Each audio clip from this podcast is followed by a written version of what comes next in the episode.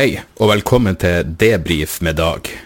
Eh, klokka er 8.39 på eh, onsdags morgen, og jeg er jo eh, Jeg sover nå inn i helvete dårlig i natt. Um, det er nok relatert til eh, min evinnelige pissefrykt. Det forsvant litt uh, etter at jeg snakka i forrige episode om uh, om at jeg pisser så mye i løpet av et døgn, så har jeg fått mye tilbakemeldinger fra folk hvor det har stått alt fra at jeg har garantert prostatakreft eller diabetes, til folk som skriver at jeg pisser 25 ganger i døgnet og jeg er helt frisk. Så nå vet jeg ikke hva jeg skal tro. Men i det siste så har jeg også begynt å bli så inn i helvete tørst hele tida. Altså de siste dagene. Samtidig slo det meg Jeg prøver jo å rasjonalisere alt til at jeg er frisk, så det slo meg at jeg jo akkurat starta opp igjen nå med fuckings kaloritelling og jeg, jeg, jeg, driver med kaloritelling, og jeg, jeg, prøver å holde meg under 1800 kalorier i døgnet, og så prøver jeg i tillegg å følge den 16-8-greia hvor hvor du faster 16 timer i døgnet. Så jeg vet ikke, er det noen leger der ute som kan Eller ernæringsfysiologer, eller noen som bare bedrevitere, eller noen som bare kan finne på et faktum som tilsier at med det samme du begynner med noe sånt, så, så blir du veldig tørst og uh, pissetrengt. Jeg aner ikke om det er noe logikk der. Uh, jeg fortsetter ikke blitt så paranoid at jeg har tenkt å gjøre noe med det heller. Men, uh, men det får så være. Uh, hyggelig at dere har uh, eh, lasta ned det her faenskapet. Jeg er på vei til, uh, til Bergen straks jeg er ferdig med det her. Skal, vi skal gjøre en live dialogisk uh, på jeg tipper Litteraturhuset, et eller annet tilsvarende i Bergen. Når dere hører det her, så er det sikkert uansett for seint. Men jeg og Gunnar skal prate med en filosof fra Universitetet i Bergen, er det vel. Uh, men ja, når dere hører det her, så har det mest sannsynlig allerede skjedd. Og siden jeg sto opp i dag, så uh, jeg abonnerer på Klassekampen og jeg abonnerer på Aftenposten. For da føler jeg at jeg får en slags uh, da, da, får jeg de, de ideologiske ytterpunktene som jeg er komfortabel med i det norske medielandskapet. Og i Klassekampen så har det jo vært en sånn debatt om om såkalt eh, scenenekt eller no platforming etter at eh, Klassekampen Klassekampen hadde en debatt på Arendalsuka hvor de inviterte Helge Lurås fra Resett.no med. Hvis dere vil høre mer om det her, hør den siste episoden er dialogisk. Men uansett, eh, en av lederne i Klassekampen i dag, der forteller, der forteller Mari Skurdal at hun har fått en mail Nei, hun har fått en melding hvor det står er ikke Klassekampen lenger et trygt sted. Uh, og da viser det seg at denne personen mener ikke at Klassekampen skal være et trygt sted i forhold til at uh, hei, her blir vi ikke fysisk angrepet nå, det skal være et ideologisk trygt sted. Klassekampen skal altså være i avis hvor hvis du leser den avisa, så vet du allerede hvilke meninger du får. Og det her er det som gjør ideologi så inn i helvetes forutsigbart og kjedelig i mine øyne. Jeg mener, Hvis Klassekampen plutselig klinker til med en idé som jeg aldri har tenkt på før, så må da, er vel bare det en forfriskende jævla handling, er ikke det? Gud, jeg er så lei Jeg har bare vært i et sånn Jeg, våkna opp her om dagen og så tenkte jeg jeg, jeg er i ferd med å miste all edge og all, alt engasjement. Og jeg, jeg, tror ikke det, men jeg tror bare jeg irriterer meg over piss. Når jeg kom ned på morgenen For det første, dama mi er sykemeldt. To sekunder. Dama mi er sykemeldt. Som betyr at hun går hjemme hele tida. Og vi har et, et, veldig godt forhold, men jeg tror en del av det forholdet er basert på at hun er på jobb på dagene. Hun er på jobb når jeg drar hjemme her og trør og, og kjefter for meg sjøl. Og tenker at jeg burde trent mer og pissa mindre. Men i hvert fall, hun er sykemeldt, så jeg kommer ned på morgenen. Hun har en prolaps i nakken som gjør at hun må stort sett bare ligge på sofaen. Så hun ligger på sofaen nede, og uh, nyhetskanalen står på, og da er det en diskusjon om, uh, om uh, hvor sexistisk det norske språket Og da var det en en tidligere, jeg vet ikke om hun var tidligere eller nåværende musikkanmelder i Dagbladet, som klaga på uh, hvor jævla manns- eller kvinnediskriminerende uh, musikkanmelderspråket Og jeg leser mye musikkanmeldelser, jeg har aldri fått det med meg. Eksemplene hun hadde, var følgende, jeg skrev dem ned. Uh, uh, musikkanmeldere har en tendens til å skrive 'musikken har sprut', og det sto som en påle. Ja, hvis du ser på det her som sexistisk språk, er det ikke du som bare har et jævlig skjettent sinn? Eller betyr musikken av sprut at musikken bokstavelig talt sæder i trynet på folk? Ditt om jeg sto som en påle, betyr det en pumpende ereksjon? Jeg er faen ikke helt sikker, altså. Jeg, jeg har aldri sett de her begrepene i en musikkanmeldelse. Så legg til at Klassekampen må være et trygt ideologisk sted, og at, eh, at musikken har sprut betyr at du hater kvinnfolk. I tillegg så var det den jævla debatten om mobbing på treningsstudio, som jeg, jeg, jeg, må bare spare den til scenen, tror jeg. Jeg trenger noe nytt materiale, og når noe, irriterer meg så tilstrekkelig som at folk klager på eh, folk klager på at det er kroppspress på treningsstudio. Så tenkte jeg ok, det her må jeg bare spare til scenen, for det her, det her bryr meg åpenbart. Så jeg prøver å jobbe opp et slags eh, et slags eh, Jeg vet, Hat blir jo et for sterkt ord, er bare sånn irritasjonsmoment igjen. Rett og slett fordi jeg, jeg må begynne å skrive, skrive nytt materiale. En annen ting jeg fant i avisa, det her var også i Klassekampen. Eh, Foreninga leder i Forbundet mot rusgift. Det høres ut som en jævla partygjeng. Knut T. Reinås, han, eh, han, er kritisk til at eh, Aktis, som er en sånn eh, vel, det, er, det, er vel en samarbeidsorganisasjon for uh, de som er mot narkotika. Uh, Aktis har gått inn for avkriminalisering av bruk av narkotika. Hei, skål for dem, det er jo absolutt etisk fremgang. Men eh, Forbundet mot rusgift er kritisk til det her, så lederen deres går ut og sier følgende, og det her er helt sant, det er en stati statistikk jeg skulle ønske flere visste om. Han sier følgende, 10% av narkotikabrukere har store problemer og må hjelpes av helsevesenet. Den retten fikk de i 2004. 90% har ikke avhengighetsproblem og har ikke behov for helsehjelp for sin narkotikabruk. Signaleffekten av å fortelle dem at narkotikabruk ikke er straffbart, kan bidra til økt bruk og sosial aksept. Er ikke det en helvete stor selvmotsigelse? Han innrømmer jo at 10, kun 10% av de som bruker narkotika, har et problem med det. Og det her stemmer, det her er FN-tall. 10% av de som bruker alle rusmidler, inkludert heroin, har et problem.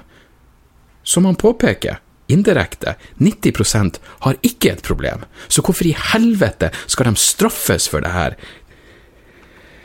Signaleffekten er å fortelle meg at narkotikabruk ikke er straffbart. Vel, hvis flere bruker, begynner å bruke narkotika, jeg vil fortsatt tro at bare 90% at bare 10% har et problem med det. Tenk på det. Du har ikke et problem med narkotikabruk, så allikevel skal du straffes for det. Du har ikke problem, så vi må gi deg et problem med å straffe deg for din personlige bruk, som ikke plager andre enn deg sjøl det er så inn i helvete paradoksalt. Og uh, rusgift. Bare at du kaller det rusgift. Jeg mener, noe er garantert gift. Jeg vet ikke fuckings Fuckings speed og sånn badesalt-heroin. Ja, uh, ingenting til overs for det. Men ta deg en sopptripp ute i Os og fortell meg at det der er gift, din dumme jævel. Åh, for et humør jeg er på morgenen. Det her er jo ikke, er ikke sånn som jeg skal være på morgenen. Jeg skal være glad og blid og, og, fornøyd. Takk for um, hyggelige tilbakemeldinger på bonuspodkasten, forresten. Jeg, en, jeg, hadde en samtale med Erlend Osnes, og vi begge Han, han publiserte en uh, som en heimelaga episode, og jeg publiserte den som en debrief med dag-episode. Og i morgen kommer det faktisk nok en bonusepisode, uh, fordi uh, i forrige uke så var jeg oppe i Bodø og gjorde en, eh, en, jobb sammen med Kevin Kildahl tidligere, men heldigvis ikke nåværende, kjent som Arnt Finesse.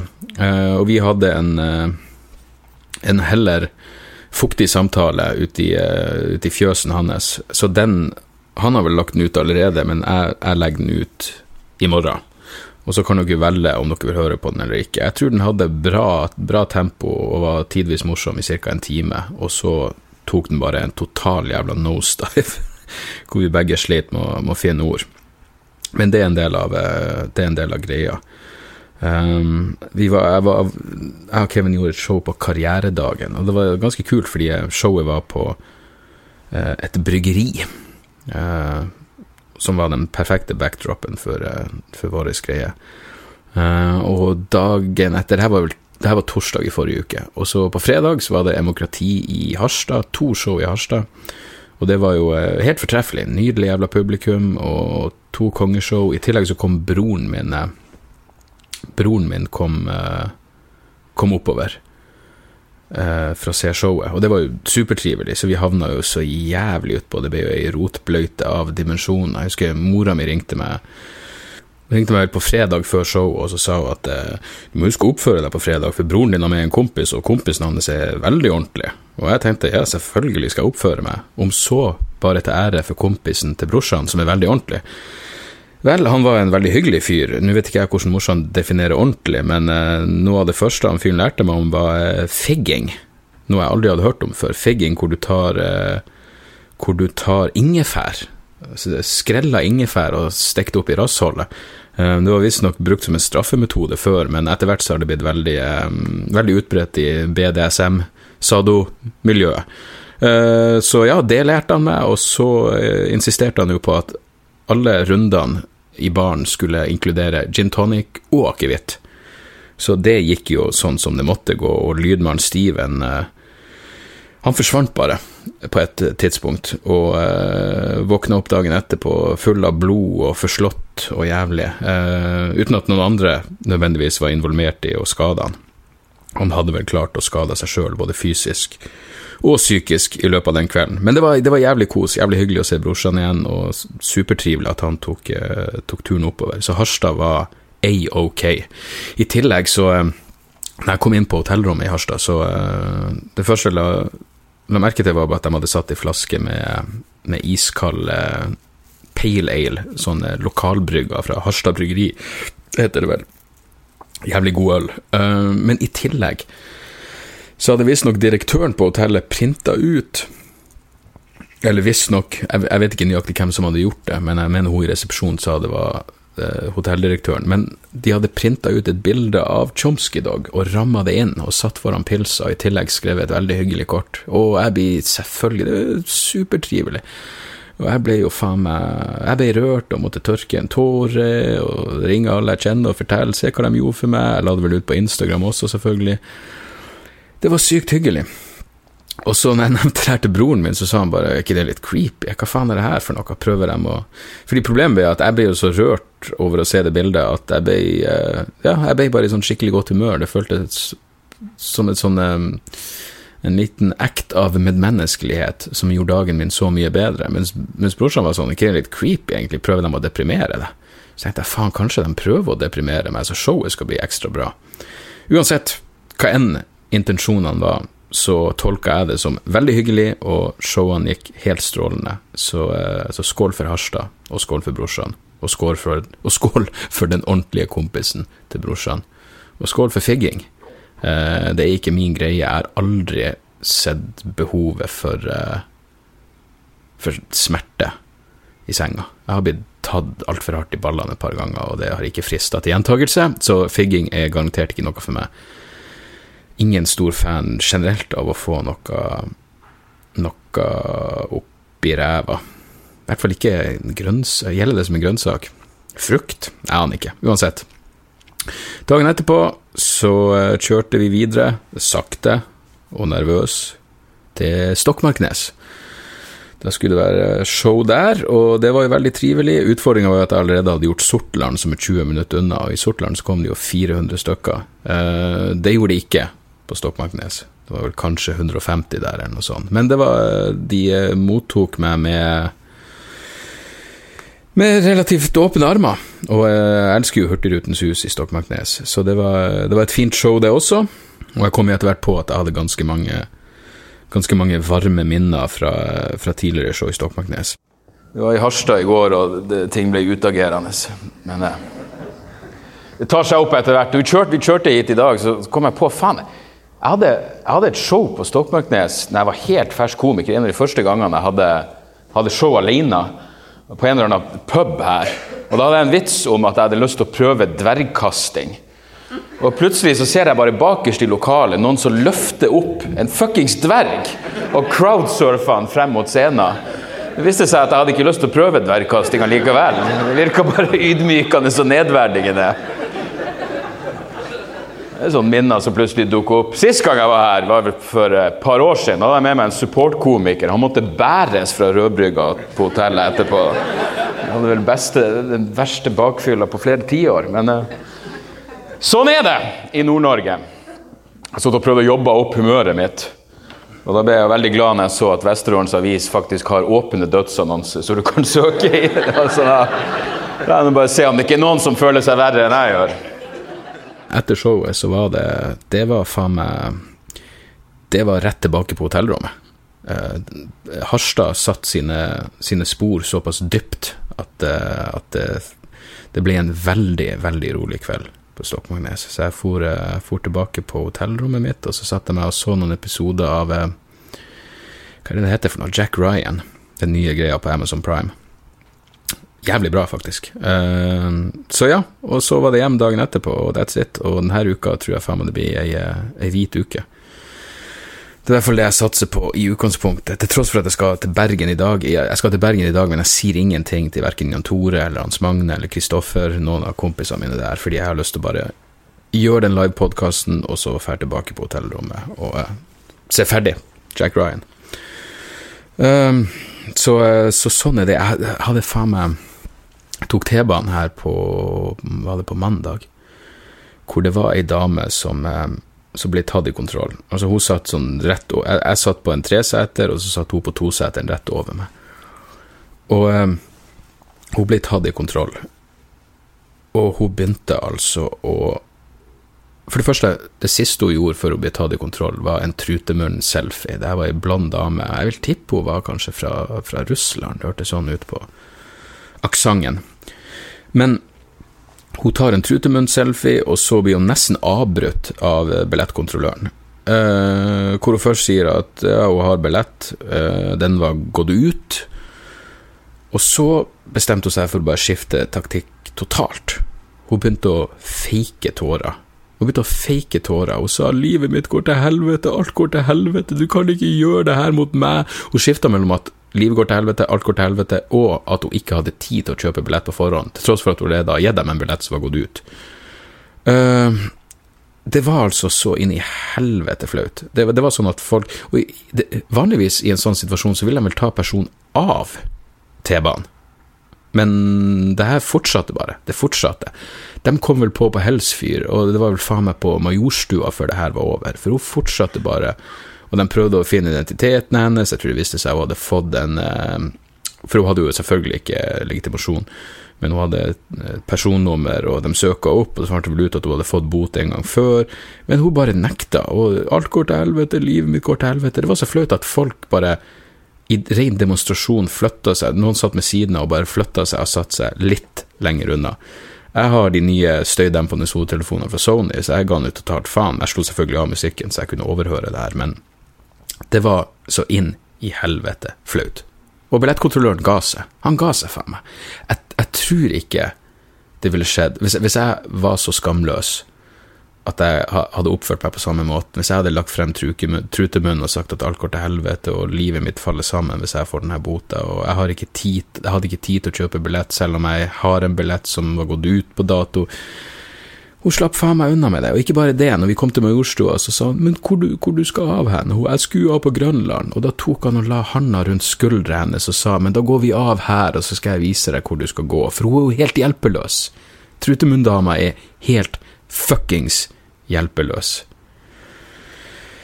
Det var et vakkert øyeblikk, og eh, egentlig all kudos til henne. Jeg mener, det, det er noe med skamløse mennesker når de slipper unna med det. Ikke sant? Det her var ikke et fuckings Frank Løke, eller hva han heter. Det her var ei som faktisk var gjennomtenkt nok til å slippe unna med sin grusomme oppførsel. Så, eh, så, skål for henne. Skål for den russiske trutemunnen. Den funka som faen, til tross for at alle rundt ble, eh, ble dypt forstyrra av hele, hele jævla hendelsen. Ellers lurer jeg på om jeg har ei, ei ny finn.no-historie. Hvis noen av dere, de av dere som har sett uh, Demokratishow, vet at det er ei historie fra finn.no der. Uh, det er mulig jeg har ei anna historie på gang nå, uh, hvor jeg har sendt en fyr noe som jeg bare ikke har fått betalt for. Han sier han ikke har fått den ennå. Mm. Jeg stoler på han. Det morsomme er at han bor i Bergen, og jeg har adressen hans, så vi får se om, om han betaler i løpet av dagen som om jeg kommer til å møte opp til en fyr. Jeg gidder ikke engang å si til kompisene mine at jeg er i Bergen, fordi jeg skal være nykter i Bergen, og så skal jeg liksom jeg møte opp hos en fyr og konfrontere han. Det blir jo aldri å fucking skje. Det blir aldri å skje. Uh, mailer. Jeg har fått noen, uh, noen mailer som man egentlig burde ta for seg her. Uh, du, du, du, Skal vi se her. Aksel har sendt meg en mail hvor det står 'Selvmord i Nord-Korea'. Halla, og takk for nydelig podkast. Takk for at du hører på. Det er bare et lite innspill til det dere snakka om i siste podkast. Dere snakka i tidligere episoden om at bevisstgjøring av selvmord blant venner og kjente folk førte til at flere tok selvmord, og jo mer informasjon man fikk om selvmordene, jo flere tok selvmord, slik jeg husker det. Jeg husker ikke det her, det her må være fra samtalen med Erlend. Så snak, snakka dere senere om at i Sør-Korea har de alt, og mange tar selvmord, mens i Nord-Korea er det helt motsatt. Og dette kunne dere ikke forklare. Jeg tenker at dere kanskje allerede har forklart grunnen. Om folk i Nord-Korea hadde vært bevisst på hvem som tar selvmord, hvordan, hvorfor etc., men siden media blir kontrollert osv., så, videre, så får ikke folk det med seg. Jeg bare foreslår å konspirere her, men følte dere hadde svaret fra tidligere i episoden. Ellers gleder jeg meg til fortsettelsen av podkasten med Nielsen Aksel. Ser Aksel. Du er jo egentlig sånn som meg. Du konspirerer og foreslår uten å egentlig ha sjekka opp fakta. Uh, jeg har faktisk sjekka opp selvmordstallene her, og vi hadde jo helt rett i at um, Sør-Korea ligger høyt. Sør-Korea ligger på tiendeplass. Dette er fra Suicide Rates by Country in 2015. Per 100 000 mennesker så er Sør-Korea på tiendeplass. 32 per 100 000. Men Nord-Korea er fuckings på 28.-plass. 15,8 per person. Så hvis vi sa at de var i helt motsatt ende av skalaen, så var jo det bare sin Det var sin i helvete feil så det er menneskelig mulig å få det. De er faktisk relativt like eh, i selvmordsrate. Så, eh, så mye for både kommunisme og kapitalisme. Ellers så er det en mail, skal vi se Alex skriver Hei, Dag. Jeg lurer på om du har historie fra et show der du fullstendig bomba. Hvordan var det, og hvordan tok du det? Selvfølgelig har jeg historie om da jeg fullstendig bomba. Eh, eksempelet jeg vanligvis trekker frem når jeg blir spurt når jeg blir stilt dette spørsmålet, er Jeg gjorde en jobb for NHO da jeg var en relativt fersk komiker, og jeg virkelig bare trengte pengene. Og en firmajobb er jo eh, vanligvis bedre betalt enn en annen jobb, så jeg hadde ikke noe annet valg enn å si ja. Og alt var jo tilrettelagt for at det her skulle gå til helvete. For det første, jeg var jo på mitt mest jævla ytterliggående venstresosialistiske, og eh, i tillegg skal jeg ha en jobb for NHO. Eh, næringslivets hovedorganisasjon, så jeg følte vel jeg hadde noe å bare der. I tillegg så ville de ha møte på forhånd, og det er aldri et godt tegn. Og noen skal ha et fysisk møte på forhånd, så burde man i hvert fall bare si nei til jobben. Og I dette tilfellet så skulle de jo eh, bare informere meg om hva som var greit å kødde med, men også understreke hvor sinnssykt mye selv eh, Altså hvor, hvor, hvor lite selvhøytidelig det er, og jeg kan kødde med dem, og dem tar seg ikke nær av det, og bla, bla, bla. Det viste seg å være helt feil. Um, jeg husker bare at det gikk så grassat til helvete. Ingenting funka. Jeg hadde jo eh, spesialskrevet materiale om NHO, i starten, og ingenting funka. Når jeg da desperat prøvde å gå inn på de vitsene som alltid funker, så funka ikke dem heller. Det var en helt ulidelig jævlig opplevelse. Og det var jo selvfølgelig min feil i forstand av at hvis, hvis, du skal selge inn mitt materiale, så må du ha pondus og selvtillit, og jeg sto jo der og følte meg mer og mer usikker, og var altfor fersk. Jeg hadde bare Jeg hadde ingen eh, Jeg hadde ikke noe skills som kunne berge meg inn i denne situasjonen. Så jeg bare sto og, og, eh, og bare slurpa innpå med flytende avføring, og det gikk så inn i helvete til helvete. Og når jeg gikk av scenen, det er jo det flaueste, så møter jeg hun som liksom har vært min eh, kontaktperson her, og hun sa jeg tror vi tar deg ut bakveien for de andre står med hovedinngangen. Så hun innså liksom, det, var, det skal hun ha, det var ikke noe forsøk på 'hvordan føler du at det gikk'? Nei, det var bare 'vi snik deg ut bakveien', for de her folkene kommer til å spytte på deg, og uh, generelt behandle deg med samme respekt som, uh, som Jesus fikk der han gikk og dregde på korset sitt. Uten sammenligning for øvrig, men hun tar meg ut bakveien, og uh, der står det en fyr som tydeligvis har vært på showet. Han har allerede plassert seg Kanskje han skamma seg, han også, men han sto i hvert fall og røyka med den utgangen. Og Idet jeg gikk forbi, så så han bare på meg, og så sa han lykke til videre. Og snakk om å pisse på noen som allerede er skadeskutt. Uh, så ja, det, det, det, er bestandig den bombejobben som, uh, som først dukker opp i hodet mitt. Jeg har en million flere. Eh, noen ganger er publikum for fullt til å følge med. Da, da, dit, dit tar jeg ikke så hardt, men de gangene jeg virkelig føler at det her gikk til helvete, og det er min feil, åh, de, de setter dype psykiske arr. Nå er det faktisk ganske lenge siden jeg hadde skikkelig, skikkelig atombombing, og de verste bombingene bør jo kunne unngås nå, men jeg, jeg, liker å tro at hvis, når jeg havner i den situasjonen igjen, så kommer jeg til å ha i bakhodet at hei, det, det blir en historie ut av det her, så bare, så bare kom, deg, kom deg gjennom det. Men, men ja, det var bombehistoria. Så er det Bastian har sendt meg en mail som bare heter 'Historisk ferskvarefilm'. Hei, Dag. Jeg har lyst til å høre dine tanker rundt alle filmene, seriene som omhandler historiske hendelser som har hendt samme tiår som filmen er produsert. Tenker særlig på 22. juli og Kongo-filmer. Um, jeg har enda ikke sett den Erik Poppe sin 22. juli-film, og det er rett og slett bare fordi jeg har veldig lyst til å se den, men, men det, det, virker tungt. Jeg mener, jeg er blitt sånn nå at før jeg, jeg, jeg, kunne se all slags horribelt faenskap og bare og bare ikke kose meg, men altså, jeg, jeg tenkte hele tida at ah, kanskje det er noe materiale i det her. Mens nå er jeg blitt mer følsom, for jeg merka det um, Nick Cave sin dokumentar, uh, hva heter One More Time With, with Feeling, har jeg hatt nå, jeg vet ikke, i et år. Jeg har fortsatt ikke sett den, fordi jeg klarer ikke å, å, jobbe opp Jeg klarer ikke å finne det rette humøret for å se den filmen, fordi den handler jo om innspillinga av siste skiva, så dør Dør den ene sønnen hans under innspillinga av plata. Så det virker så Jeg husker uh, min gode venn Egon Holstad sa Han sendte meg en melding da han hadde vært og sett den, den dokumentaren på kino. Han sa planen var å gå, å gå og se dokumentaren, og så gå ut sammen med noen kompiser og ta noen øl. Det endte opp med at han så dokumentaren, og så gikk han hjem alene og drakk sprit. Så, så um, Og jeg tror litt av samme grunn så har jeg utsatt Så har jeg bare enda ikke endt opp med å se den 22. juli-filmen. Uh, noen andre sa til meg at de hadde planlagt å se den, men da, da ville de Jeg er sikker på at de hadde tid til å se noe, noe, noe litt hyggeligere etterpå. Men, uh, men, i utgangspunktet har jeg ikke noe problem med at de filmene lages. Jeg mener, i, i, noen tilfeller så tror jeg bare man må, man må innse at de er kanskje ikke mynta på oss, altså de som uh, var litt nærmere det enn en folk flest, i, i, med, hensyn til 22. juli-filmene. Uh, og den som kommer på Netflix, jeg blir selvfølgelig å sjekke den også, selv om jeg som alle andre syns det virker så jævlig rart at de prater gebrokkent engelsk av en eller annen merkelig grunn.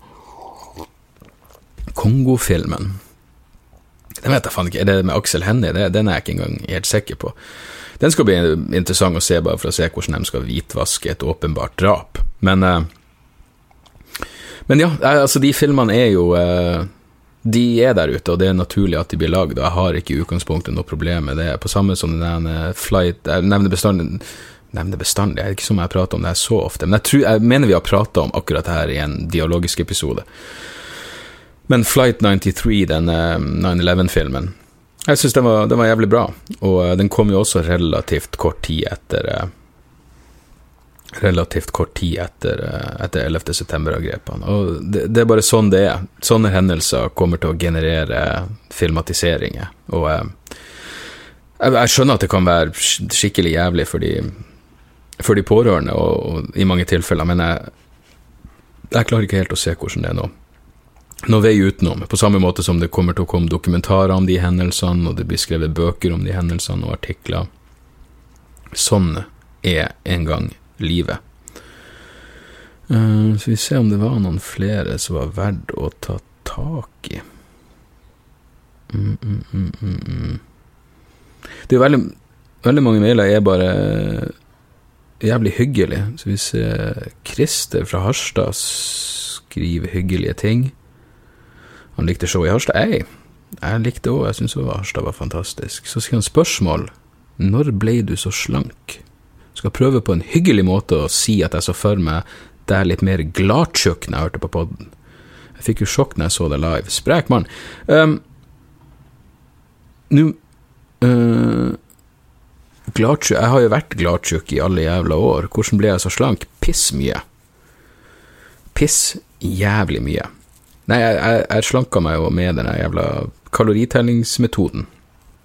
Uh, nå føler jeg, nå har jeg jo gått opp igjen, så nå prøver jeg jo Ikke tilbake til der jeg var, men nå prøver jeg jo å, å, skjerpe meg igjen, og derav forhåpentligvis min dehydrering og eh, økte pissefrekvens. Um, vi ser så var det Raimond skriver Her har det plutselig begynt å øke pissefrekvensen, så er det et symptom mange diabetikere opplever før de oppdager sykdommen. Det er selvsagt bare ett av mange symptom.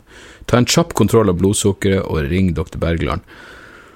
Um, ja, ikke, ikke tro at ikke jeg har tenkt på diabetes, min gode mann. Uh, kontakte dr. Bergland. Jeg kunne absolutt gjort det. Dr. Bergland tok jo blodtrykket mitt for uh, et par år siden. Og da var det akkurat der det skulle være. Jeg vet, jeg vet ikke om det er noen sammenheng mellom blod Det er i hvert fall ikke noen sammenheng mellom blodsukker og puls, går jeg ut ifra. Er det ikke kommet noen smartklokke nå som kan måle blodsukkeret ditt? Eller er jeg helt ute å kjøre? Blodtrykket må det vel sikkert være. Jeg har, jeg har ganske bra puls, ganske bra live, eh, livepuls, hvilepuls. Jeg vet ikke om det betyr noen verdens ting. Jeg satser på at det betyr at jeg ikke har diabetes eller høyt blodtrykk. Men hva vet jeg, av og til er det best å bare leve i uvitenhet, folkens. Ta ting så det kommer. Og i den forstand, i den forstand, i den uh, forbindelse, så vil jeg bare anbefale ei bok som heter Natural Causes av Barbara Ehrenreich. Uh, jævlig bra forfatter som bare har skrevet ei bok som handler om at hun har nådd en viss alder hvor den preventive medisin Hun gidder ikke. Hun gidder ikke mammografier og koloskopier og koloskopier for å prøve å finne ut at hun mest sannsynlig har et eller annet som er galt. Så det er liksom en kritikk av den businessorienterte helseindustrien. Uh, ei dame etter, etter, mitt hjerte. Uh, så ja, vi er jo en halvtime inn, så da er vi jo tydeligvis over på, uh, på tips. Jeg hadde to um, Forresten, når vi prater om tips Eh, eh, eh, det var én kar som skrev følgende til meg. Skal vi se Vent, først må vi ta den her. Iselin sendte meg en jævlig, en jævlig hyggelig mail. Um,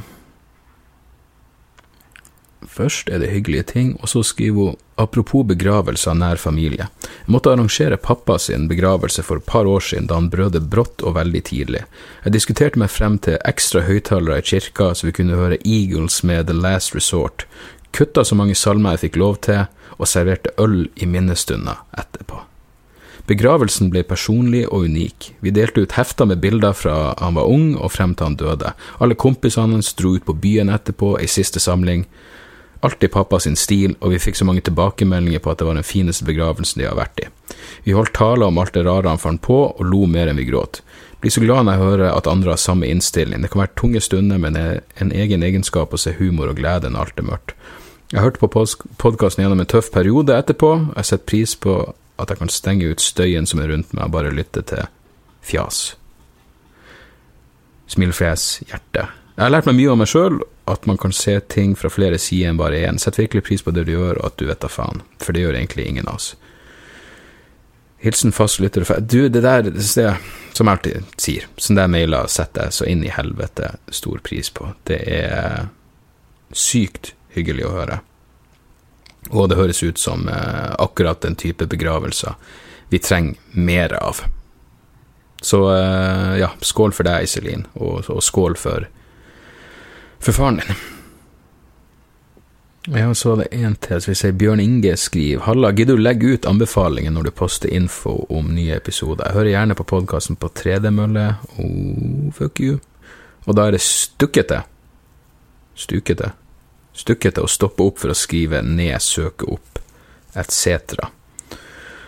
Um, en venn av meg døde nylig, og jeg tenkte jeg skulle anbefale bestevennen hans den podkasten du snakka om, men jeg ble forvirra av hvilken av de to episodene du snakka om som de mente folk burde høre på om de nylig har mista noen. Kan du klargjøre det? Det kan jeg klargjøre i shownotes, min gode venn. Jeg skal begynne å legge ut linker til det jeg snakker om.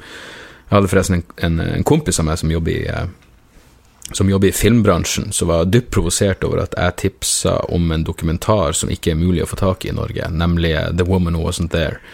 Um, som jeg sier i podkasten, så så jeg den i den herlige perioden når jeg faktisk kunne switche over til amerikansk Netflix via å bruke et eller annet VPN-program. Eh, men han mente at det var umoralsk å tipse om ting som man ikke kunne få tak i lovlig i Norge. Men skal jeg la være å se fuckings ting fordi det aldri kommer til å bli utdelt i Norge? Fordi det, det, Norge er et for lite marked til at noen distributører kommer til å gi ut en sånn dokumentar. Så skal jeg bare la være å se den? Nei, fuck det. Derfor tipser jeg om den dokumentaren, og så får dere finne den på hvordan en måte dere kan. Men jeg skal begynne å eh, legge ut linker i eh, Heter det ikke shownotes? I showbeskrivelsen så skal jeg legge ut linker til det jeg eh, anbefaler. Eh, og den siste anbefalingen det er egentlig to dokumentarer jeg har lyst til å anbefale. Eh, jeg er jo veldig fascinert og uh, opptatt av kunstig intelligens for tida. Jeg håper ikke jeg har nevnt den her allerede, men Do You Trust This Computer er en dokumentar om kunstig intelligens og poten potensielle håpefulle og, og grusomme scenarioer som kan oppstå ettersom den teknologien fortsetter å, å, utvikle seg. Jeg tror faktisk når den først kom ut, så tok Elon Musk og betalte for at den skulle ligge gratis ute på nettet i et par dager. Men jeg kjøpte den fra eh, Den koster sånn fem dollar eller et eller annet på Vimeo. Eh, så, så, den vil jeg virkelig anbefale, hvis du er i det hele tatt fascinert av, av teknologi generelt, men også potensielle fremtidsscenarioer. Så um, do you trust this computer? En annen dritskummel nåtidsdokumentar, en dokumentar som heter Pre-Crime.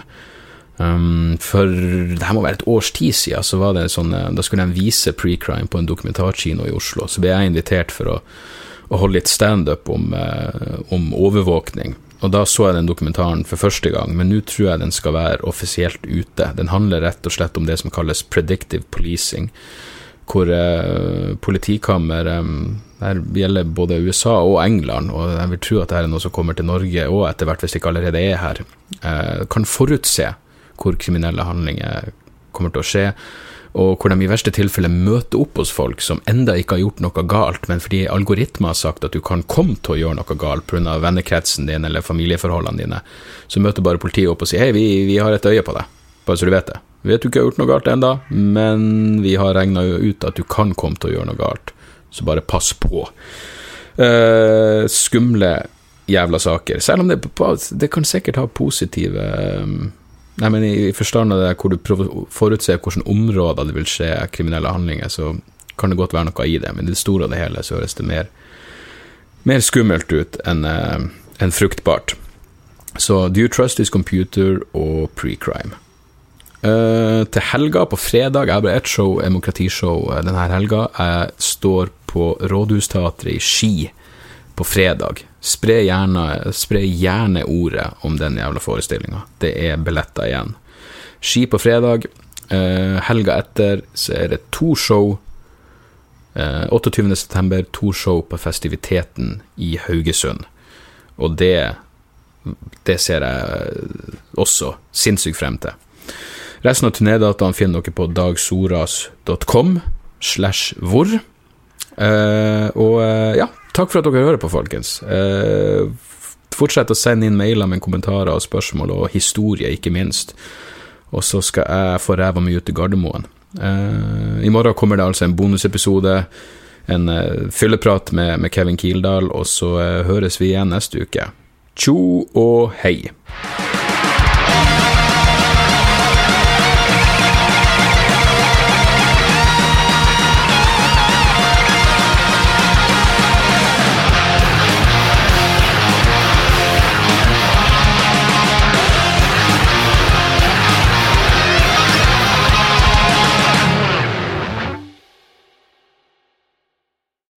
Er det reklametid, og ukens annonsør er fiken. Hør her, jeg, jeg, jeg avskyr ordet regnskap. Ordet regnskap eh, gir meg assosiasjoner som er uhyggelige. Det får meg til å tenke på andre uhyggelige ord som ettersyn og underlivsundersøkelse. Men regnskap er et nødvendig onde, og fiken er et så enkelt regnskapsprogram at selv jeg kan klare å ha kontroll på finansene hvis jeg bruker det. Eh, du kan registrere kjøpene dine bare med å ta et bilde av kvitteringa med appen, og så kan du bare hive, hive kvitteringen. Hvor nydelig kan det bli? Og Fiken forholder seg også til regnskap med overkommelige ord. Det er ikke masse overkomplisert økonomisk terminologi. De kaller det kjøp og salg i stedet for hva enn de kaller det på BI. Og du kan, eh, du kan få fiken til å sende purringen dine, sånn at du slipper å gjøre det sjøl. Slipper du de der flaue øyeblikkene hvor du må skrive 'unnskyld meg, men det står noe utestående her, kan du fikse det fortest mulig', må jeg sende, må sende mafiaen etter deg? Nei, fiken fikser det så kan du skylde på algoritmene. Du slipper dårlig stemning. Jeg syns det er utrolig greit å slippe å styre med sånne ting sjøl, og nå kan du prøve fiken gratis i 30 dager. Hva, hva har du å tape? Bokstavelig talt ingen verdens ting. Så gå inn på fiken.no og prøv fiken gratis i 30 dager. Ok? Det var det så vanskelig.